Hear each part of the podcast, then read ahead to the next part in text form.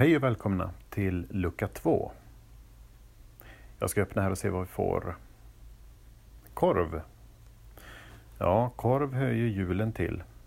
Vad vore jul utan korv? Idag finns det ju även vegetariska varianter utav korv. Någonting som min eh, kollega från Slovakien ofta brukar kokettera med och basunera ut. För det är så han pratar. Basunerandes.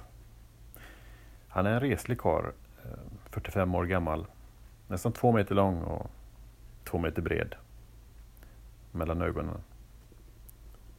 Han är ett före detta rugbyproffs och är så bestämd till den grad att när han var 20 bestämde han sig för att det är snyggt med vida jeans och instoppad skjorta. Så man ser ut som en eh, underförstådd cowboy.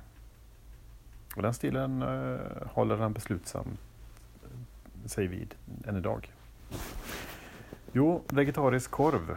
Jag håller faktiskt med om att man behöver inte kalla det för vegetarisk korv. Man kan ju till exempel kallas det för um, grönsaksrulle, vegoslang, gröngrej, växtpinne, fiberkarlsson, nyttegubbe. Ja, det var allt för idag. Vi hörs morgon.